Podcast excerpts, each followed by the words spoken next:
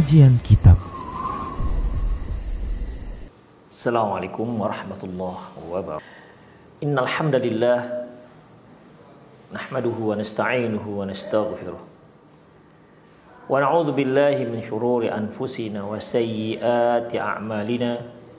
May yahdihillahu fahuwal muhtad wa may yudlil falan tajida lahu waliyyan mursyida Asyhadu an la ilaha illallah wahdahu la syarika lah wa asyhadu anna Muhammadan abduhu wa rasuluh alladzi la nabiyya ba'dah. Wa qala Allah Subhanahu wa ta'ala ya ayyuhalladzina amanu taqullaha haqqa tuqatih wa la tamutunna illa wa antum muslimun. Wa qala azza man qala ya ayyuhalladzina amanu taqullaha wa qulu قولا سديدا. يصلح لكم أعمالكم ويغفر لكم ذنوبكم. ومن يطع الله ورسوله فقد فاز فوزا عظيما. يا أيها الناس اتقوا ربكم الذي خلقكم من نفس واحدة وخلق منها زوجها وبث منهما رجالا كثيرا ونساء. واتقوا الله الذي تساءلون به والأرحام. Inna allaha kana alaikum raqiba Amma ba'du inna astaqal hadithi kitabullah Wa khairal hadi hadi Muhammad Sallallahu alaihi wasallam Wa syarral umur muhdathatuha Wa kulla muhdathatin bid'ah Wa kulla bid'atin dolalah Wa kulla dolalatin fi Kaum muslimin, kaum muslimat Para pemerhati dan pendengar di mana pun anda berada Alhamdulillah kembali kita bertemu dalam sebuah acara perjalanan sebuah perjalanan setelah kematian di mana pembahasan ini kita ambil dari kitab Al-Qiyamatul Kubra. Ikhwah azinallahu wa iyyakum di kajian lalu kita telah bahas terkait dengan al-mizan timbangan. Kita telah sebutkan beberapa hadis-hadis ya dan juga ayat-ayat yang terkait dengan masalah ini.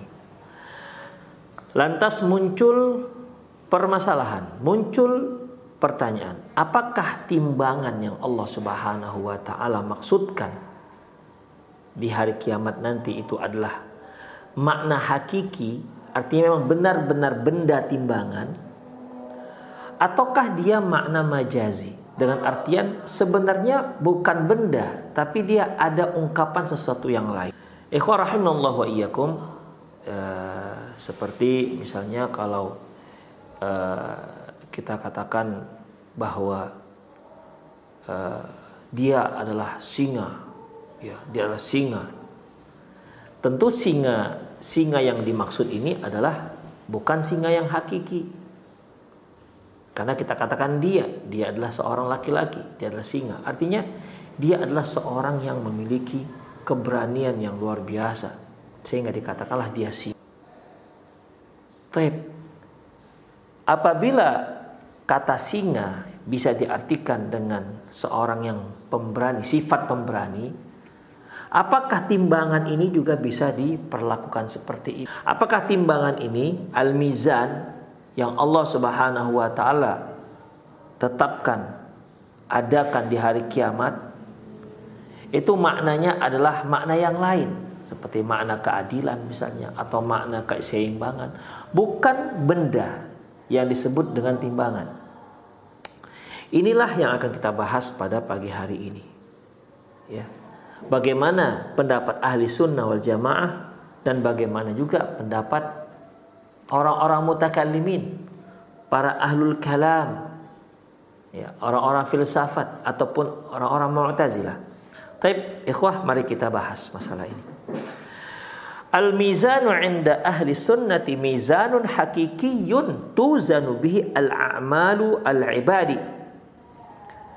Menurut ahli sunnah wal jamaah, timbangan yang dimaksud adalah timbangan yang hakiki yang digunakan untuk menimbang amal-amal seorang amalan seorang hamba yang akan digunakan untuk menimbang berat dan ringannya amalan seorang hamba Apakah dia itu amalan kebaikan ataukah amalan keburukan? Wa khalafa fi hadzal mu'tazilah dan Mu'tazilah menyelisihi pendapat ini. Artinya mereka katakan bukan. Timbangan itu bukan benda yang untuk digunakan untuk menimbang amalan seseorang, bukan.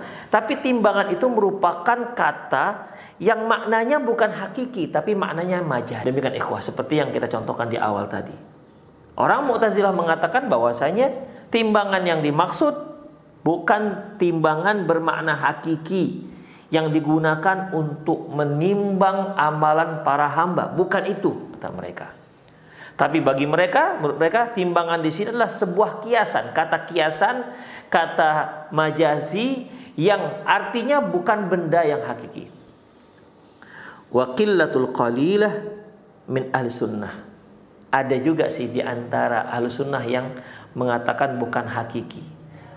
Mereka mengatakan makna daripada timbangan di hari kiamat nanti bukan makna yang hakiki. Jadi bukan benda, tapi itu kilatul qalil, tapi itu sangat sedikit sekali dari kalangan al-sunnah yang mengartikan itu. Qala Ibnu Hajar, qala Ibnu Hajarin, qala Abu Ishaq Az-Zuja Az-Zujaj Az-Zujaju ajma'a ahlu sunnati 'ala al-imani bil mizan.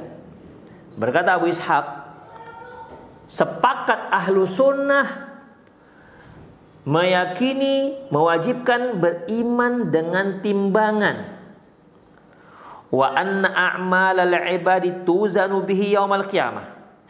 Dan dan sesungguhnya perbuatan-perbuatan amalan-amalan anak Adam itu akan ditimbang nanti di hari kiamat. Wa annal mizana lahu lisan wa kiffatani ya wa yamilu bil a'mal. Dan timbangan ini ya memiliki lisan. Berarti timbangan bisa bicara nanti.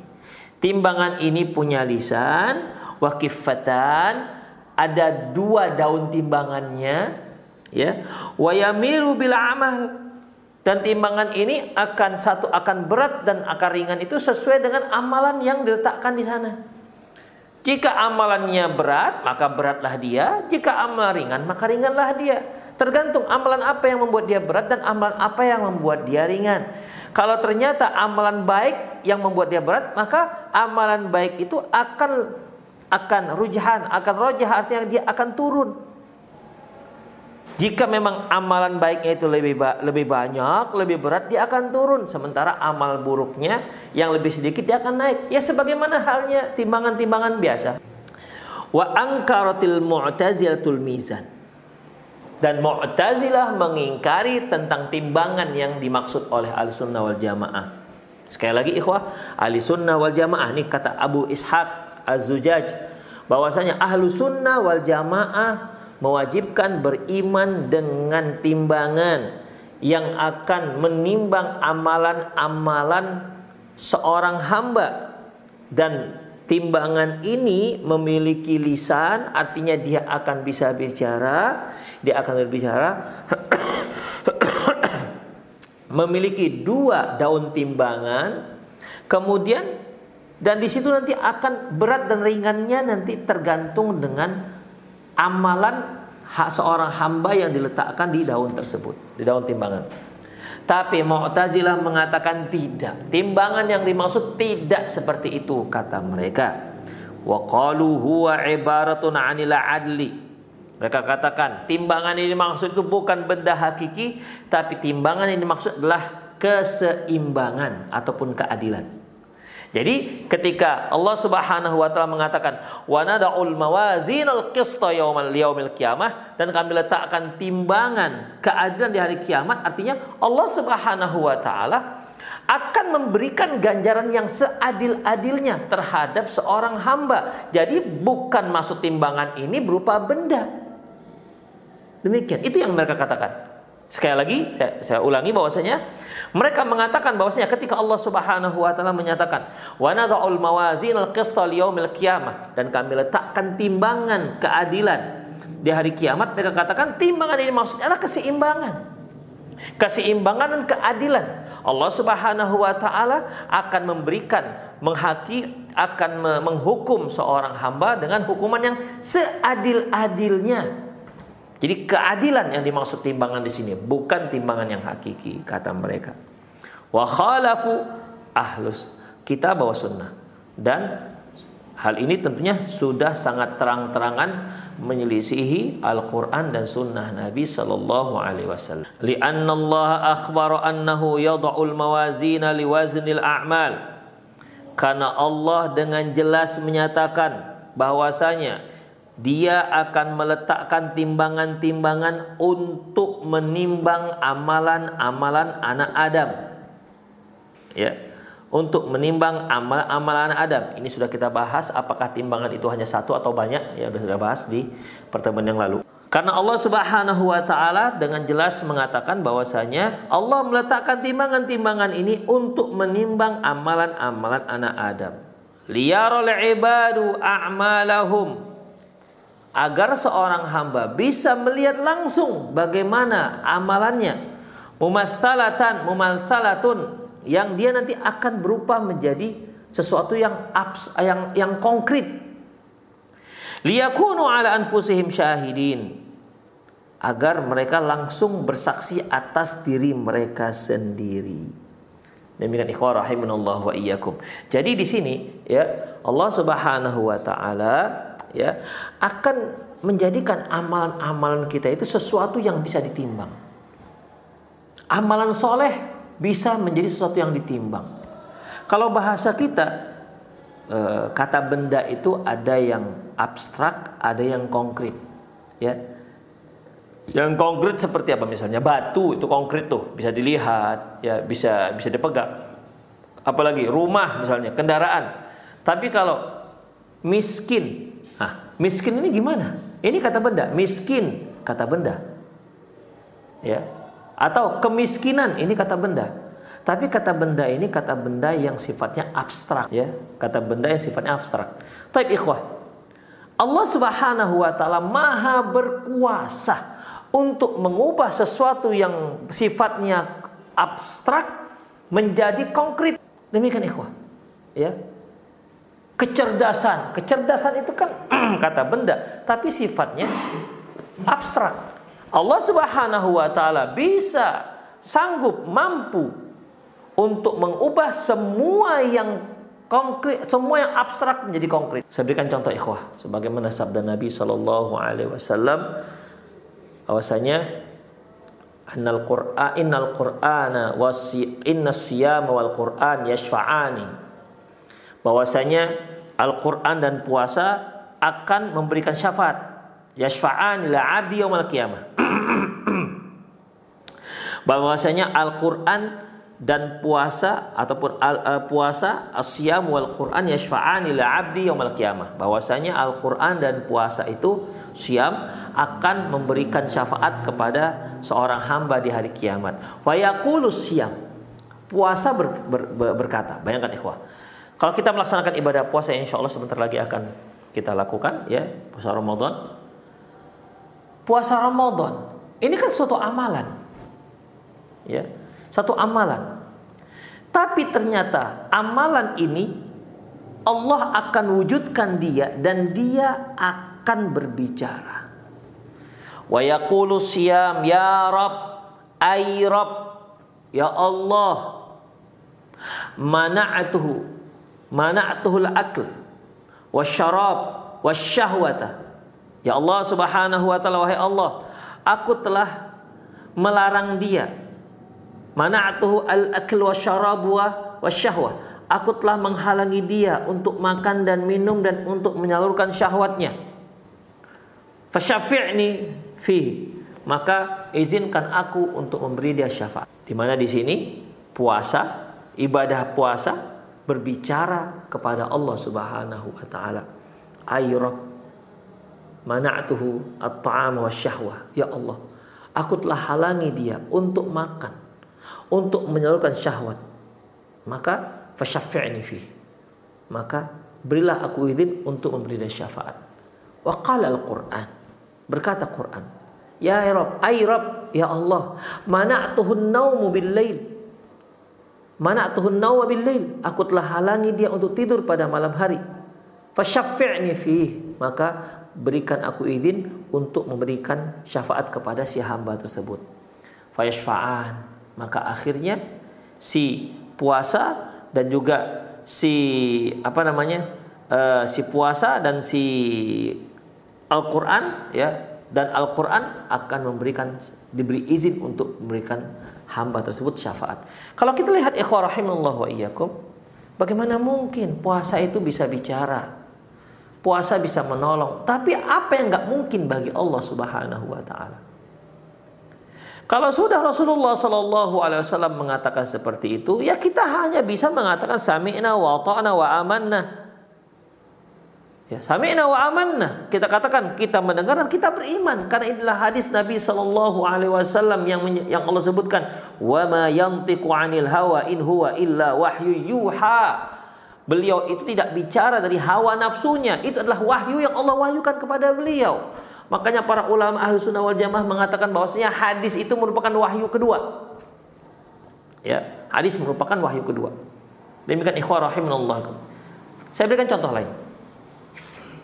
Sebuah hadis di mana nanti di hari kiamat Rasulullah Shallallahu Alaihi Wasallam mengatakan yuja'u bil mauti yaumal kiamati ka'annahu kabshun. Ka'annahu kabshun amlah nanti di hari kiamat kematian akan dihadirkan dalam bentuk kambing yang berwarna putih.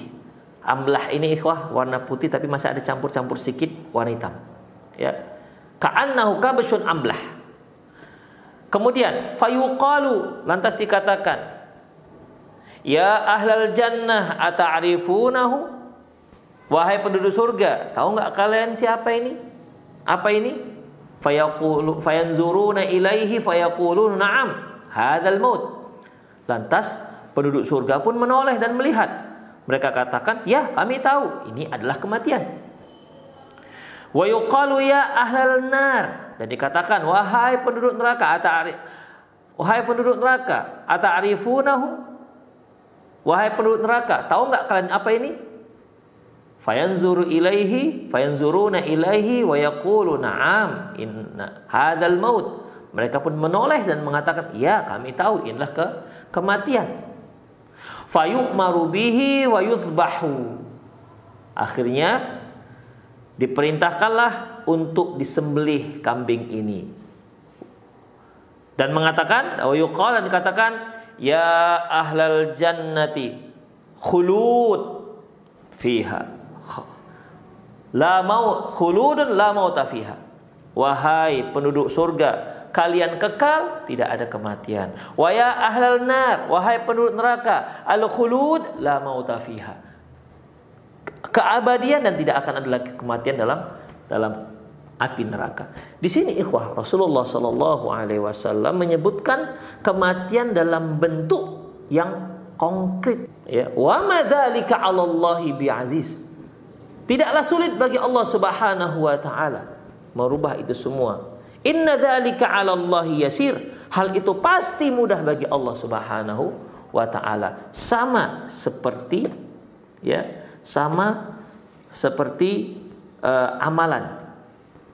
Bahwasanya setiap amalan hamba akan ditimbang oleh Allah Subhanahu wa taala. Baik. Wa qala Ibu Fawraq berkata Ibnu Fawraq angkaratil mu'tazilatul mizan. Mu'tazilah, orang-orang Mu'tazilah mengingkari adanya timbangan di hari kiamat. Binaan minhum ala annal a'rad yastahilu waznuha idla taqumu bi anfusiha. Bahwasanya sesuatu yang sifatnya a'rad a'rad itu sifat ikhwah. Ya.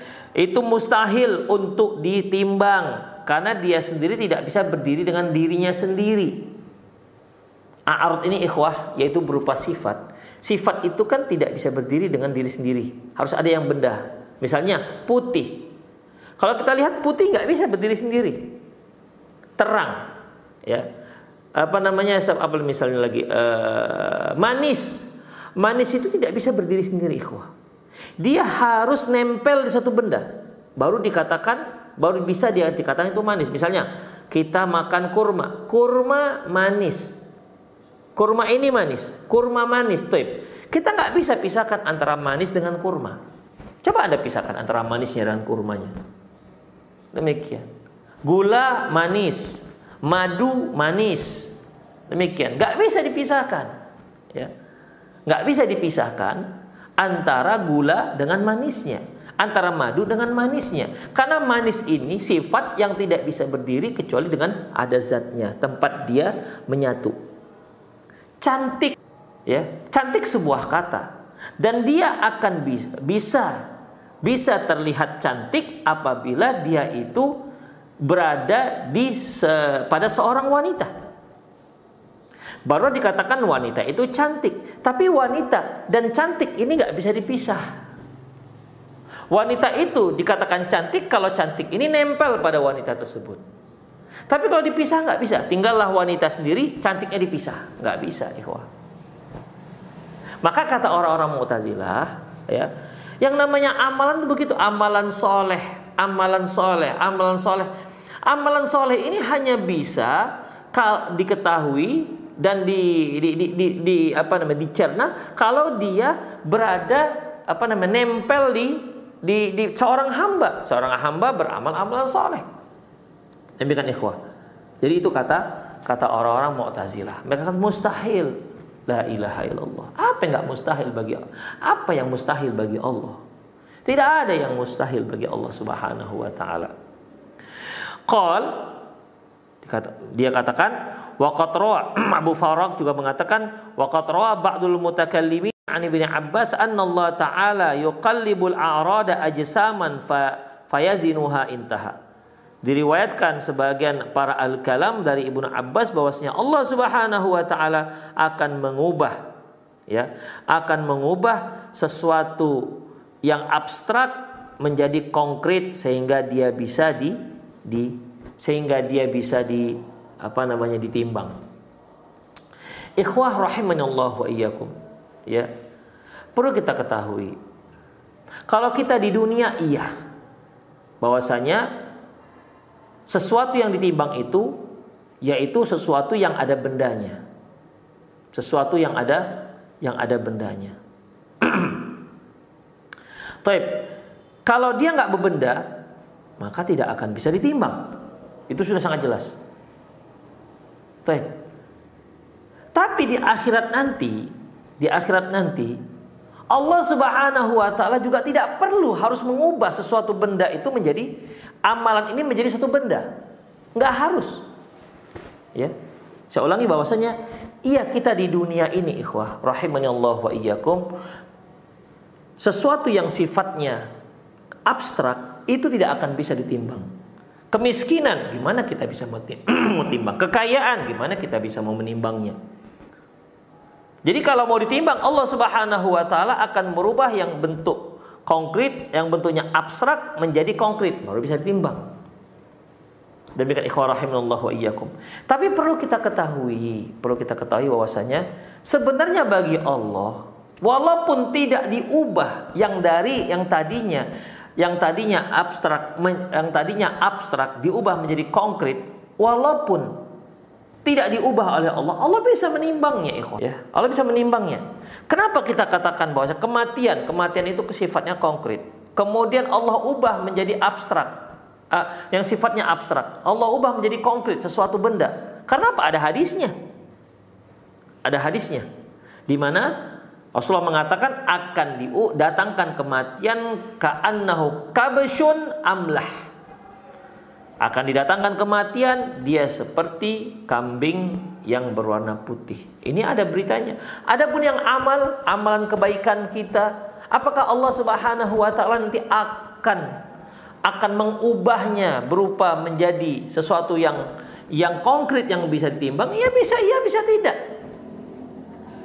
Bisa iya, bisa tidak. Kalau menurut akal kita ya Allah akan ubah dari dari yang sifatnya konkret, uh, yang sifatnya kong, yang abstrak menjadi konkret sehingga bisa ditimbang. Kalau akal kita, tapi sebenarnya Allah bisa menimbang walaupun yang sifatnya konkret.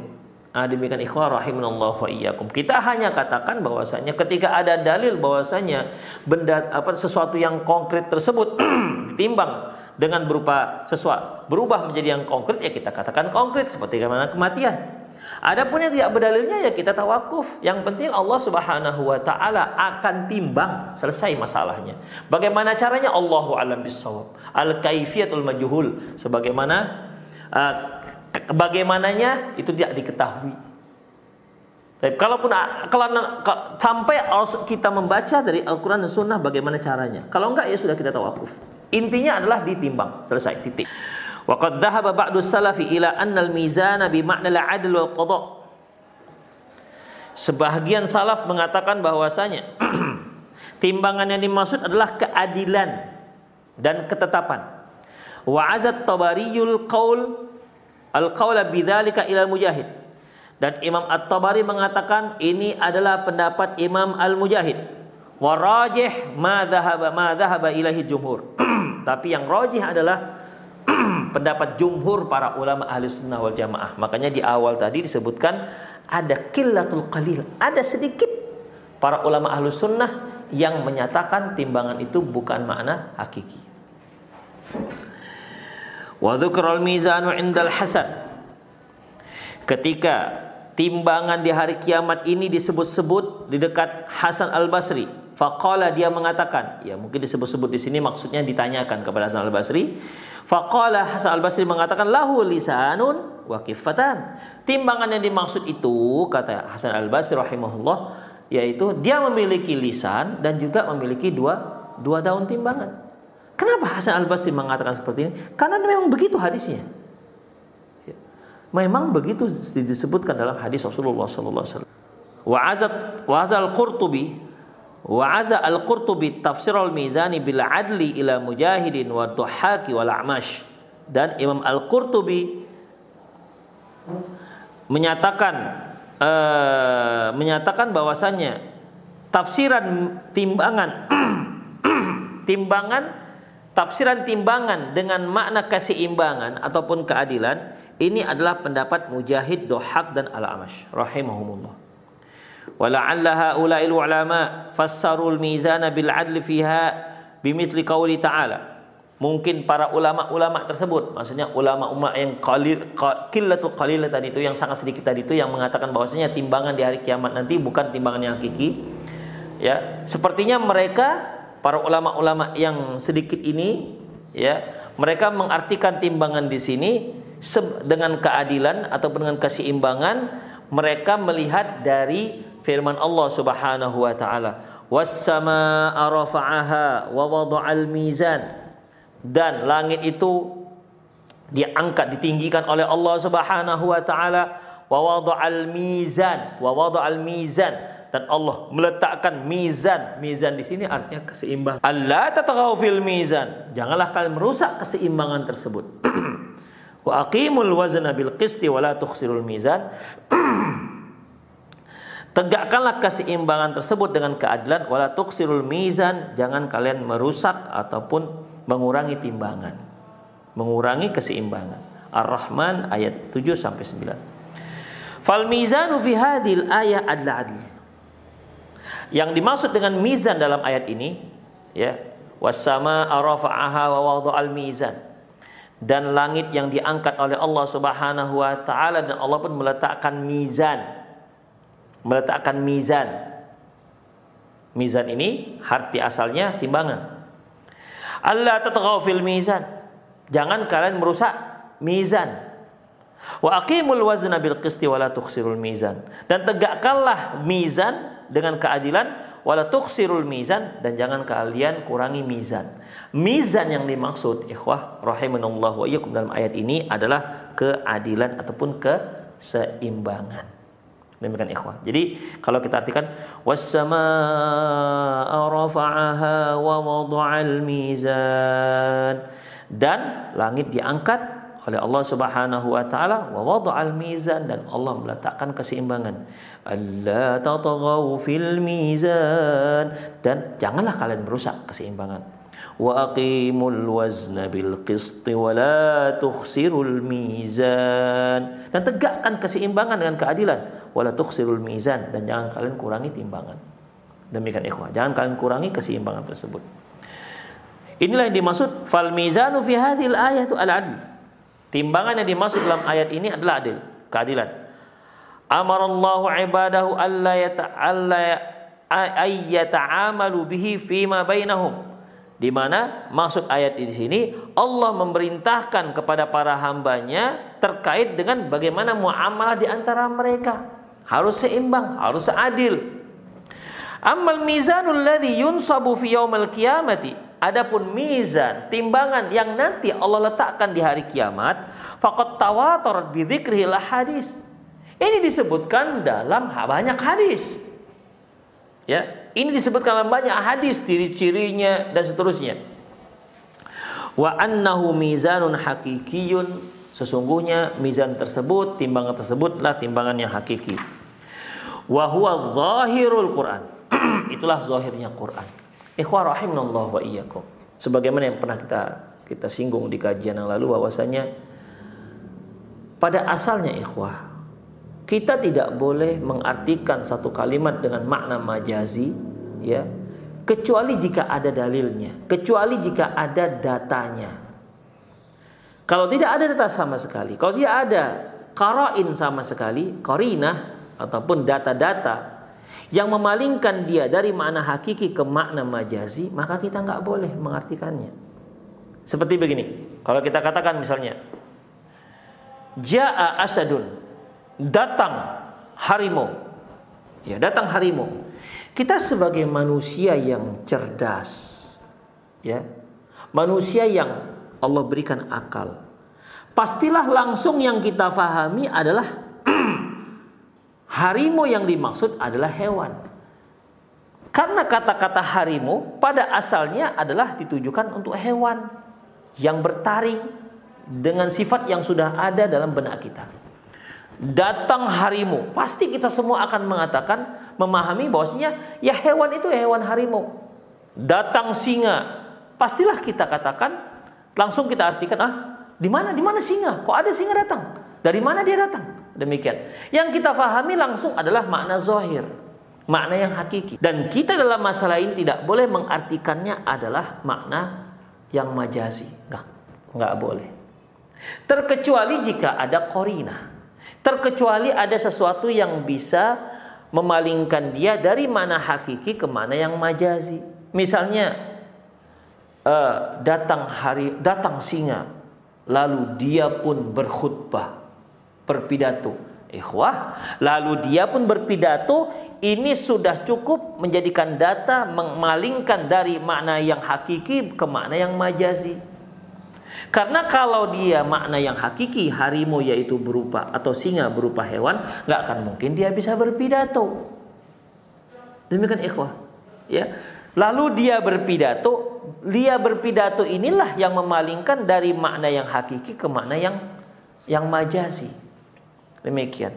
Demikian juga yang terkait dengan timbangan ini. Kita tidak boleh mengartikannya ke makna yang majazi. Demikian ikhwah. Kecuali jika ada dalil, kecuali jika ada korina, kecuali jika ada data-data yang jelas yang memalingkan dia dari makna yang zahir ke mana yang yang yang lain.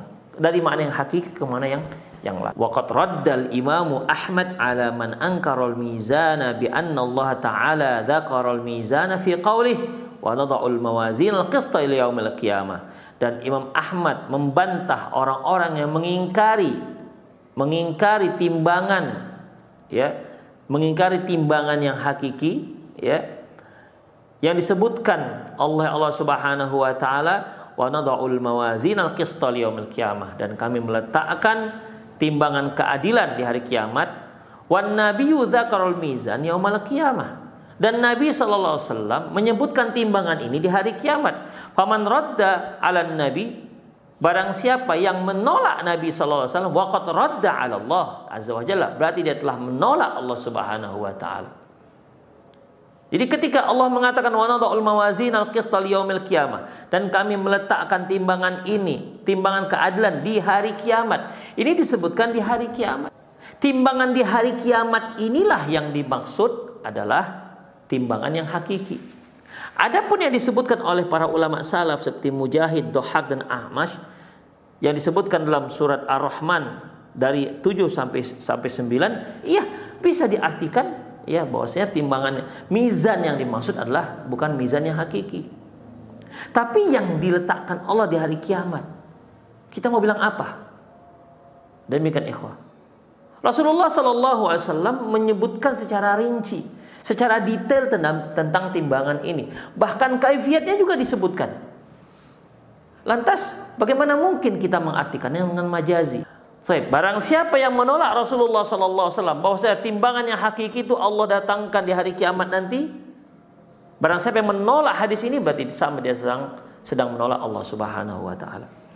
Qad istadalla Syekhul Islam ala anna al-mizan ghairul adli. Bahwasanya Syekhul Islam Ibnu Taimiyah menyatakan bahwasanya timbangan yang dimaksud bukan makna keadilan. Wa annahu mizanun hakikiyun. Bahwasanya timbangan ini adalah timbangan yang hakiki. Tuzanu bihil a'mal bil kitabi wa sunnah.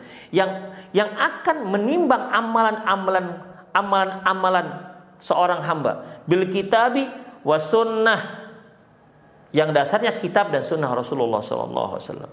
Faqala beliau katakan al mizanu huwa huwa ma yuzanu bihil a'mal. Beliau katakan bahwasanya al mizan yang dimaksud adalah sesuatu yang bisa menimbang amalan-amalan manusia. Wa huwa ghairul adli bukan maknanya keadilan. Kama dalla ala dzalikal kitabi kama dalla dzalikal kitab wa sunnah. Sebagaimana yang disebutkan baik dalam Al-Qur'an maupun dalam hadis Nabi sallallahu alaihi wasallam Mislu qawlihi ta'ala sebagaimana firman Allah Subhanahu wa taala faman thaqulat mawazinuh barang siapa yang timbangannya berat barang siapa yang timbangannya berat. Al-Araf ayat 8. Wa man khaffat mawazinuh dan barang siapa yang timbangannya ringan. Al-Mu'minun ayat 103. Kemudian wa nad'ul mawazin qista liyaumil qiyamah dan kami letakkan timbangan keadilan di hari kiamat. Ikhwah, kalimat-kalimat kalimat berat, kalimat ringan, Ya, ini adalah kalimat-kalimat yang memang banyak dibicarakan terkait dengan timbangan. Demikian ikhwah. Karena dia menimbang, menimbang amalan berat dan ringannya. Dengan ditimbangnya amalan, taulah seorang hamba bahwasanya ternyata amalan kebaikannya lebih berat dibandingkan amalan ke keburukannya atau sebaliknya. Dengan timbangan itulah seorang hamba bisa mengetahui ternyata la haula wala quwata illa billah ternyata timbangan keburukannya jauh lebih banyak lebih berat ketimbang timbangan ke kebaikannya. Demikian ikhwah dan itu diketahui dengan timbangan. Bagi Allah sebenarnya nggak ada timbang-timbang pun Allah tahu. Tapi ini semua berlaku agar si hamba itu benar-benar meyakini bahwasanya ketika Allah Subhanahu wa taala foniskan hukum hukuman untuk dia, dia tidak menyesalkan siapa pun, dia hanya menyesali dirinya sendiri. Sebagaimana yang pernah kita bahas, Allah datangkan saksi bumi akan bicara, tubuh akan bicara. Demikian ikhwah, malaikat akan bicara, akan memberikan saksi. Termasuk timbangan ini juga sebagai saksi akan amalan-amalan kita. Untuk apa itu semua ikhwah? Agar si hamba tidak menyesali perbuatannya kecuali dirinya sendiri. Jangan sampai ada perasaan bahwasanya keputusan Allah Subhanahu wa taala terhadap dirinya itu tidak adil. Ya, yang sebenarnya kalau Allah ambil masukkan ke neraka, ambil masukkan ke surga selesai. Ya. Selesai sebenarnya Allah tahu, tapi ini untuk si hamba. Ya. Agar ketika dia melihat hasilnya maka tidak ada yang dia sesali kecuali hanya dirinya sendiri, bukan yang lain.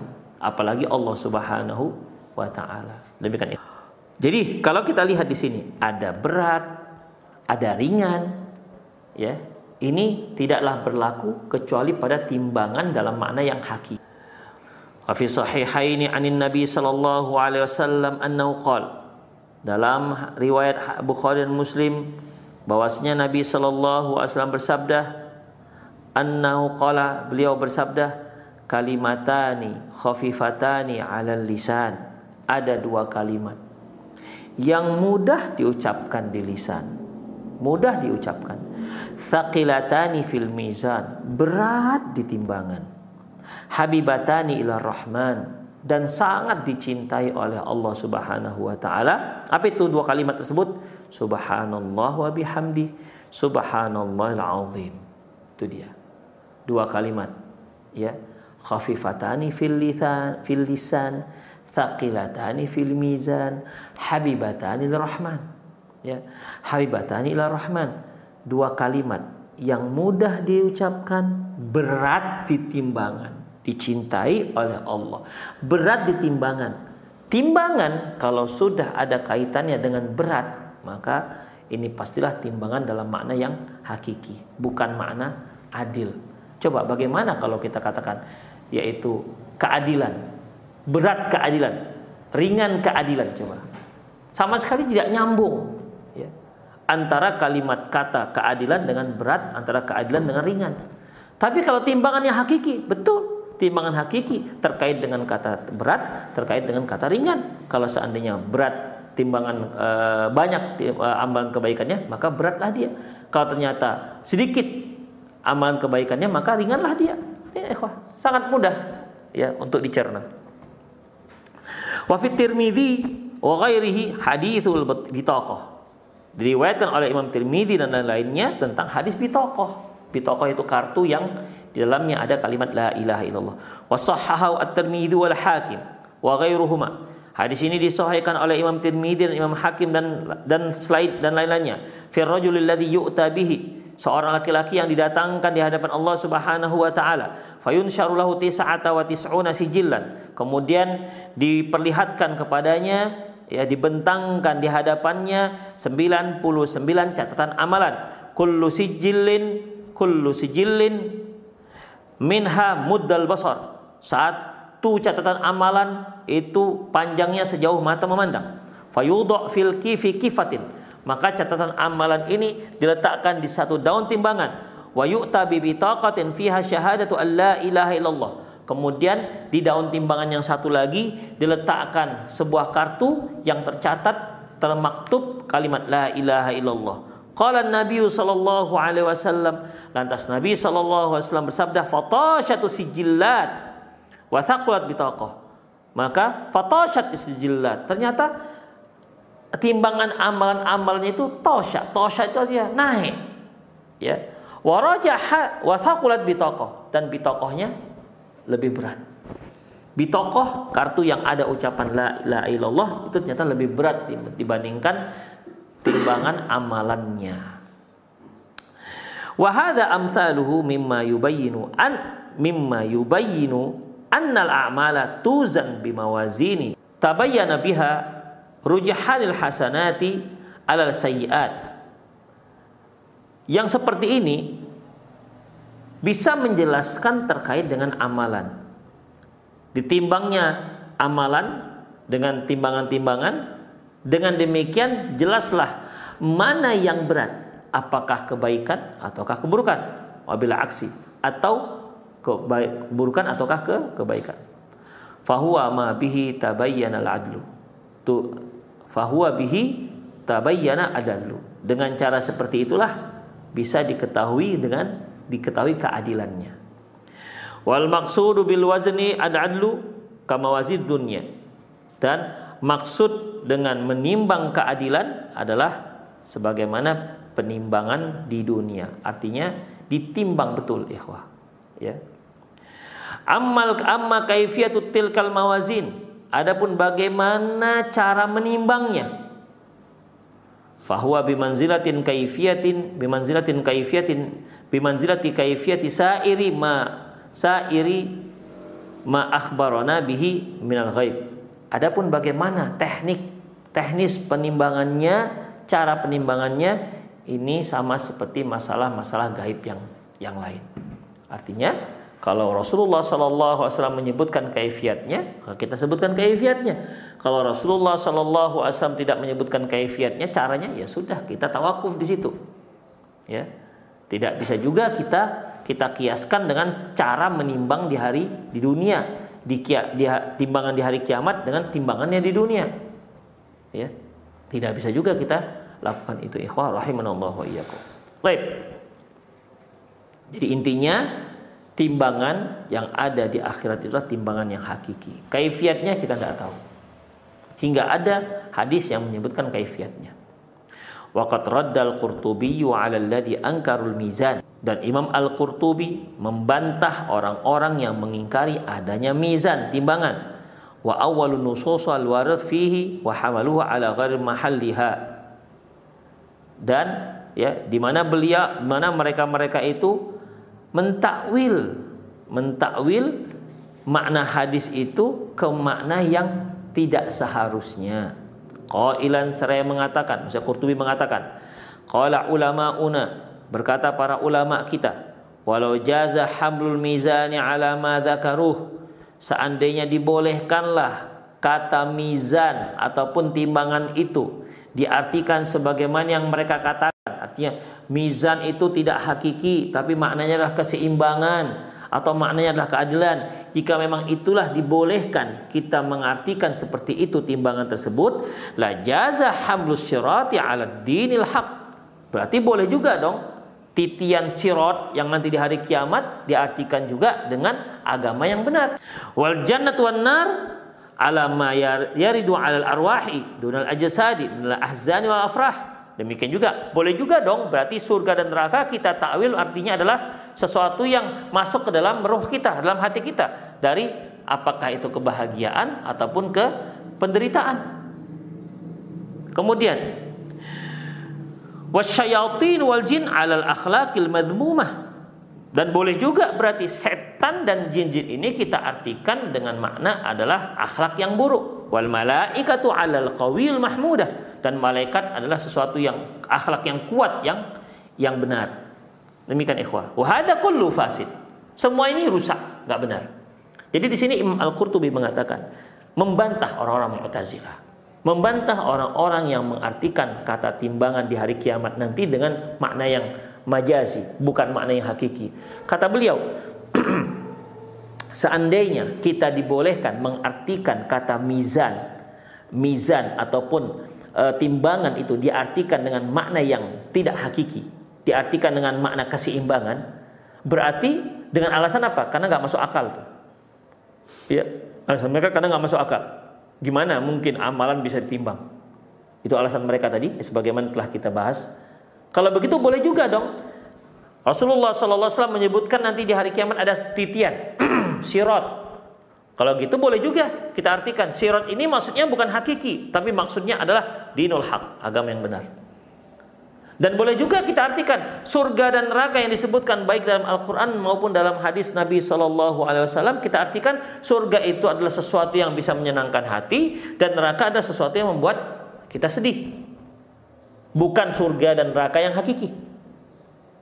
Dan boleh juga dong berarti kita artikan jin dan setan itu maksudnya apa? Akhlak yang buruk bukan bukan makhluk ya setan itu bukan makhluk jin bukan makhluk tapi apa? Sesuatu yang buruk. Dan malaikat sesuatu yang baik. Akhlak yang baik. Demikian. Bukan makhluk Allah bentuk malaikat. Bukan. Demikian. Kalau seperti ini dibolehkan ini semua makna fasid. Salah. Tidak boleh diartikan seperti itu kata Imam Al-Qurtubi. Li'annahu raddun lima ja'a bihi sadiq. Karena dengan mengartikan seperti ini sama artinya sedang menolak apa yang dikatakan oleh Rasulullah sallallahu alaihi wasallam. Wa fi sahihaini fayu'ti sahifata hasanatih. Dalam hadis sahih Bukhari dan Muslim diberikanlah catatan amalan kebaikannya wa qawlu fayakhruju lahu fayukhraju lahu bitaqah dan ucapan ucapannya sabda beliau dan dikeluarkanlah untuknya kartu kartu yang ada tulisan la ilaha illallah wa dzalika ayadullu 'alal mizan hakiki. Ini semua menunjukkan bahwasanya mizan ataupun timbangan yang dimaksud adalah timbangan yang hakiki. Wa annal mauzun uh, suhufal a'mali dan yang ditimbang adalah adalah catatan-catatan amalan. Kama bayyana wabillahi taufik sebagaimana yang telah kita jelaskan dan taufik dari semua taufik dari Allah Subhanahu wa taala. Demikian para pemirsa rahimanallah wa iyyakum. Jadi intinya bahwasanya pada pertemuan kali ini bahwasanya ahli sunnah wal jamaah menolak menolak dengan tegas pengartian mizan ataupun timbangan yang nanti Allah Subhanahu wa taala letakkan di hari kiamat dengan makna yang majasi dengan diartikan dengan keseimbangan, diartikan dengan keadilan. Ahlus sunnah wal jamaah menolak ini semua makna. Ya, menolak. Jadi ahli sunnah wal jamaah menetapkan bahwasanya timbangan yang nanti Allah Subhanahu wa taala letakkan di hari kiamat dalam pengadilannya ya itu adalah timbangan yang hakiki yang akan menimbang berat ringannya amalan seorang hamba. Dan dia memiliki dua daun timbangan. Demikian ikhwah. Ya, jadi dalam masalah ini timbangan adalah timbangan yang hakiki bukan majasi. Demikian ikhwah. Yang terakhir tadi masya Allah ya Imam Al-Qurtubi mengatakan bahwasanya apabila timbangan ini boleh diartikan dengan yang majasi dengan artian keseimbangan atau keadilan berarti sirat diartikan dengan agama yang benar jin dan setan diartikan dengan akhlak yang buruk. Malaikat diartikan dengan akhlak yang baik. Surga dan neraka, surga diartikan dengan suatu, suatu kesenangan berarti dia tuh jadi kalau ketika orang itu senang nanti di alam kubur berarti dia sedang mendapatkan surga. Kalau dia sedih berarti dia mendapatkan neraka. Demikian. Berarti boleh dong semua itu. Dan ini tentunya ditolak oleh ahli sunnah wal jamaah. Demikian ikhwah azallahu iyyakum. Baik, semoga bermanfaat. Aku lu qouli hadza wa astaghfirullah li wa lakum wa muslimin innahu wal ghafurur rahim. Allahu a'lam. Syukran jazakallah khairan wa barakallahu Ustaz atas penyampaian materi pada kesempatan pagi hari ini. Selanjutnya bagi Anda yang ingin bertanya seputar pembahasan pada kesempatan pagi hari ini, Anda dapat bertanya melalui line telepon di 0218236543 atau melalui pesan singkat di 0819896543. Pertanyaan pertama akan kita bacakan terlebih dahulu dari pesan WhatsApp dari Umu Silvia di Sukabumi. Assalamualaikum. Izin bertanya, apakah orang yang pernah melakukan dosa tapi dosanya tersebut diakibatkan orang lain yang menjerumuskannya? Misalkan dia masih usia sekolah di bawah umur karena kebodohannya dan tidak tahu ilmu agama dijual sebagai PSK. Apakah ada keringanan atas dosanya tersebut? Karena sekarang dia sudah bertobat atau kesempatan diampuni dosa-dosanya karena kebodohannya tersebut. Mudah-mudahan ada penjelasannya. Semoga Allah Subhanahu wa taala melindungi Ustadz dan saudara muslim semua. Amin. Silakan Ustadz. Para pemirsa Roja TV dan pendengar radio Roja di mana pun anda berada yang mudah-mudahan senantiasa mendapatkan perlindungan dari Allah Subhanahu wa taala. Di dalam syariat kita, ikhwan, Allah memberikan keistimewaan di mana sebanyak apa pun dosa yang dilakukan oleh seorang manusia. Walaupun sampai sepenuh dunia ini. Bahkan mungkin dosanya sampai sepenuh langit. Dunia dan langit. Kalau dia bertaubat kepada Allah Subhanahu wa taala Allah akan secara tegas Rasulullah Shallallahu alaihi wasallam menyatakan innallaha yaqbalu taubatal abdi ma lam yughorgir Allah pasti menerima taubat seorang hamba malam yughargir selama dia belum dicabut nyawa. Apabila seorang sudah bertaubat, maka Allah akan ampuni dosanya dengan catatan taubatnya taubat nasuhah. Benar-benar taubat nasuh. Dia tinggalkan perbuatan tersebut.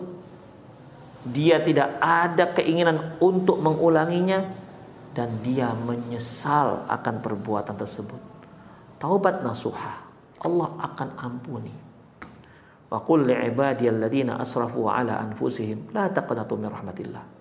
Katakan kepada hambaku yang mereka melakukan israf, mereka melakukan menzalimi diri mereka sendiri. La taqnatu min rahmatillah. Janganlah kalian putus asa atas rahmat Allah. Jangan kalian putus asa atas kasih sayang Allah. Innallaha yaghfirudz dzunuba. Sesungguhnya Allah itu mengampunkan semua dosa tanpa terkecuali. Sebesar apa pun dosanya, sebanyak apa pun. Dengan catatan dia harus tobat nasuha. Ya, dia tobat nasuha. Baik dosa itu dikarenakan ajakan orang, dikarenakan dia tidak tahu sebelumnya apalah namanya, atau memang dari awal dia tahu tapi dia langgar dan dan dan lain sebagainya. Intinya berdosalah dia. Kalau dia tobat, Allah akan hapus semua. Dalam sebuah hadis kudusi, Allah katakan, wala ubali, aku nggak peduli, ampunkan semua. Makanya setan ini, setan iblis paling takut dengan taubat ikhwah. Dia sudah bertengkus lumus untuk merusak umat manusia. Bertahun-tahun orang ini berbuat dosa. Berpuluhan tahun, berbelasan tahun dia berbuat dosa. Dan dijerumuskan oleh iblis, oleh syaitan. Bahkan tidak ada maksiat yang tidak dia, tidak dilakukan. Dilakukan semuanya.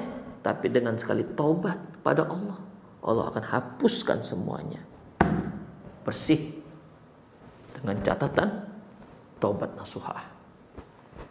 La taqnatu min rahmatillah. Jangan jangan putus asa terhadap rahmat Allah. Innallaha yaghfirudz.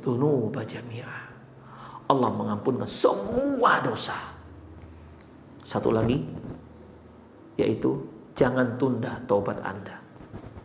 Jangan tunda taubat Anda. Karena sesungguhnya iblis ingin menunda-nunda, ingin agar Anda menunda taubat Anda sampai Anda mati dan akhirnya tidak ada tobat nasuha. Akhirnya dosa-dosa yang dilakukan dibawa ke alam akhirat yang akan dipertanggungjawabkan di hadapan Allah Subhanahu wa taala. Makanya jangan tunda. Adapun akibatnya karena ajakan segala macam sudah, tidak usah pikirkan itu. Intinya segera taubat kepada Allah Subhanahu wa taala taubat nasuha. Jangan tunggu-tunggu esok. Hari ini Hari ini Anda bertobat. Hari ini Allah akan ampunkan semuanya. Allahu a'lam. Jazakallahu khairan wa barakallahu fiik Ustaz atas jawabannya. Semoga bermanfaat bagi penanya. Selanjutnya akan kita coba angkat terlebih dahulu dari layanan telepon. Halo. Halo. Halo. Halo. Uh, Assalamualaikum Pak Ustaz. Waalaikumsalam warahmatullahi Dengan Bapak siapa di mana Pak? Ismail di Sulawesi Selatan. Eh, saya orang Buta Pak, saya tinggal di Dusun Tompong, eh, Desa Batu Lempo, Kecamatan Lapre, Sulawesi Selatan. Ya, silahkan pertanyaannya Pak.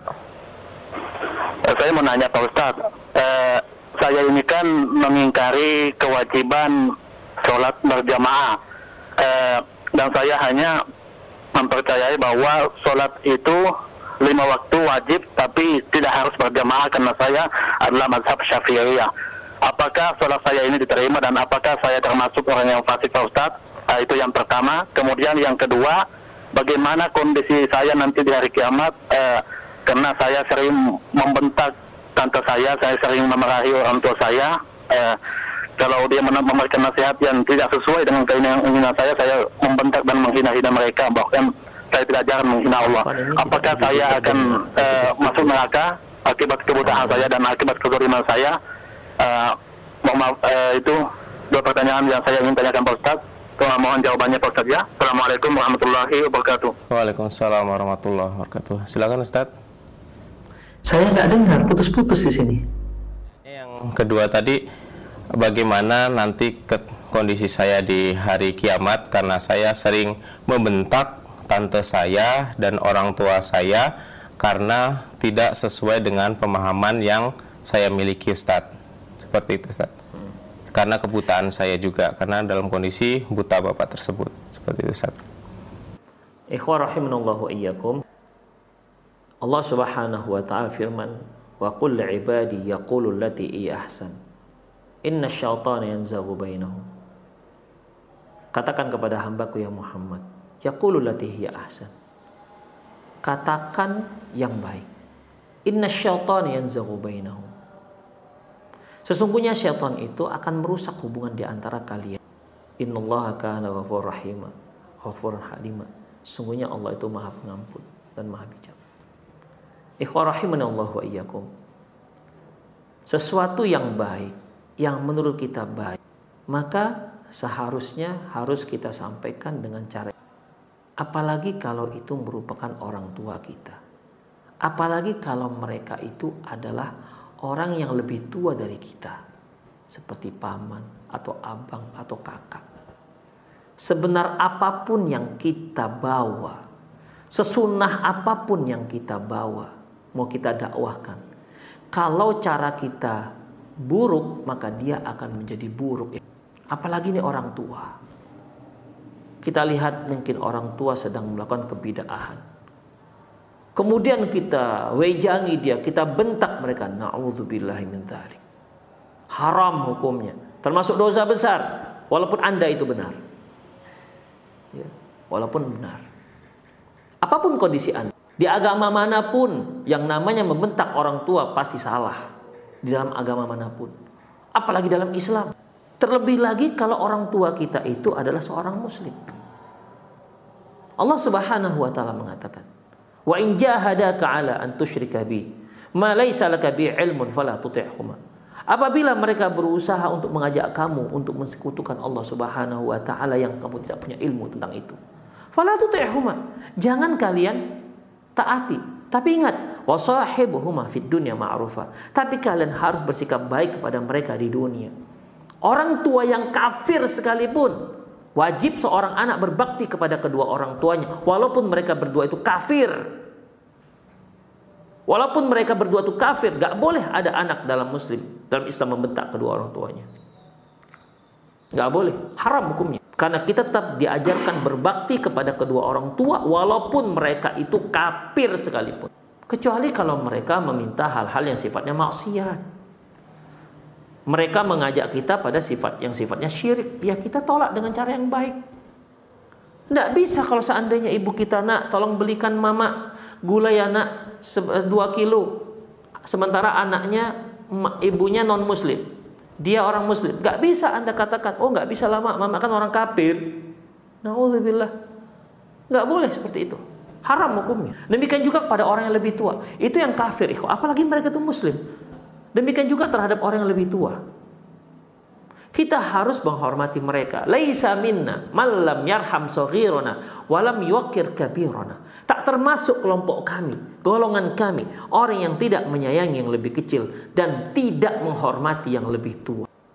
Jadi ikhwah rahimahullah, apa pun yang Anda bawa, kebenaran sebesar apa pun kebenaran yang Anda bawa, tetap akhlak berbakti kepada orang tua, tunjukkan akhlak jika kita sampaikan dengan cara bentak membentak ya maka Allah Subhanahu wa taala mencela cara seperti ini. Ikhwah rahimanallah wa iyyakum. Allah berfirman, "La tasubbul ladzi yad'una min dunillahi fayasubbullaha adwan bighairi ilm." Jangan kalian mencela orang-orang yang menyembah selain Allah, maka mereka akan balik mencela Allah Subhanahu wa taala dengan tanpa ilmu. Larangan dari Allah Subhanahu wa taala. Adapun kalau kondisi seorang itu dia tidak tunanetra atau dia ini dan itu itu tidak ada itu tidak tidak bisa dijadikan sebagai legitimasi membolehkan dia untuk melakukan akhlak yang buruk. Siapa pun dia. Ya. Bagaimanapun kondisinya tidak bisa dibenarkan dengan alasan itu dia berbuat buruk. Oleh karena itu ikhwah rahimallahu wa iyyakum Rasulullah sallallahu alaihi wasallam mengatakan man kana yu'minu billahi wal yaumil akhir falyakul khairan aw liyasmut. Barang siapa yang beriman terhadap Allah dan hari akhirat hendaklah dia mengatakan yang baik atau hendaklah dia diam. Mangkani la yu'minu ahadukum hatta yuhibba li akhihi ma yuhibbul nafsihi tidak beriman salah seorang kalian hingga dia mencintai kebaikan untuk saudaranya sebagaimana kebaikan yang dia cintai untuk dirinya sendiri. Sebagaimana kita tidak ingin dibentak-bentak orang. Kita tidak ingin dikasari orang. Kita tidak ingin dicerca orang. Maka perlakukanlah orang seperti yang kita inginkan perlakuan tersebut terhadap diri kita. Semoga Allah Subhanahu wa taala memberi kita taufik dan hidayahnya senantiasa berada di atas ketaatan Allah Subhanahu wa taala. Ya muqallibal qulub tsabbit qulubana ala taatik wa ya musarrifal qulub sarrif qulubana ala dinik. Ya muqallibal qulub tsabbit qulubana ala dinik wa ya musarrifal qulub sarrif qulubana ala ta'atik. Demikian aku qouli hadza wastaghfirullah li wa lakum. Walisal muslimin innahu wal ghafur rahim. Assalamualaikum warahmatullahi wabarakatuh.